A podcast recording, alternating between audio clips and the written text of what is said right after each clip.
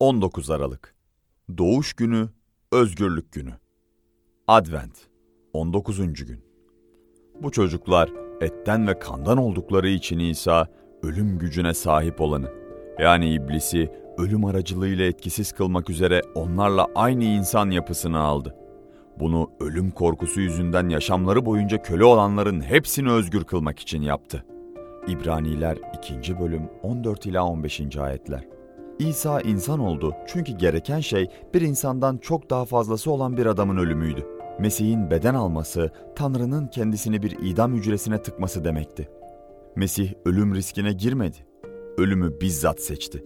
Ölümü benimsedi. Gelmesinin sebebi tam olarak buydu. Hizmet edilmeye değil, hizmet etmeye ve canını birçokları için fidye olarak vermeye geldi. Markos 10. bölüm 45. ayet.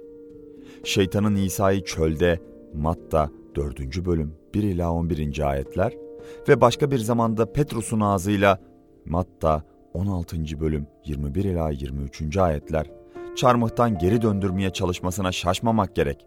Çarmıh şeytanın yıkımı demekti. Peki İsa şeytanı nasıl yıktı? İbraniler 2. bölüm 14. ayet şeytanın ölüm gücüne sahip olduğunu söylemektedir. Bu şeytanın ölümü korkunç hale getirme becerisine sahip olduğu anlamına gelmektedir. Ölüm gücü insanları ölüm korkusuyla tutsak etme gücüdür. İnsanları günahta tutma ve böylece ölümü korkunç bir şey haline getirme gücüdür. Ama İsa şeytanı bu güçten yoksun kıldı. Onu silahsız bıraktı. Bizim için şeytanın suçlamalarına karşı bize bağışıklık kazandıran bir doğruluk zırhı yaptı. Peki bunu nasıl yaptı? İsa kendi ölümü sayesinde tüm günahlarımızı sildi ve günahsız bir kişi şeytan tarafından suçlanamaz. Bağışlanmış olarak sonunda yıkılmaz kişileriz. Şeytanın tasarısı Tanrı'yı takip edenleri Tanrı mahkemesinde mahkum ederek onun hakimiyetini yok etmekti. Şeytanın hainliği başarısızlığa uğradı. Kozmik vahşeti engellendi. Dayanırız öfkesine. Çünkü mahva gidişi yakındır kesinlikle.'' Çarmıh şeytanı kılıçtan geçirmiştir ve son nefesini de çok geçmeden verecektir. Doğuş özgürlük içindir. Ölüm korkusundan özgür olmak içindir. İsa bizim yerimize Yeruşalim'de ölmek için Beytlehem'de bizimle aynı doğayı aldı. Öyle ki bugün ikamet etmekte olduğumuz şehirde korkusuz olalım. Evet, korkusuz olalım.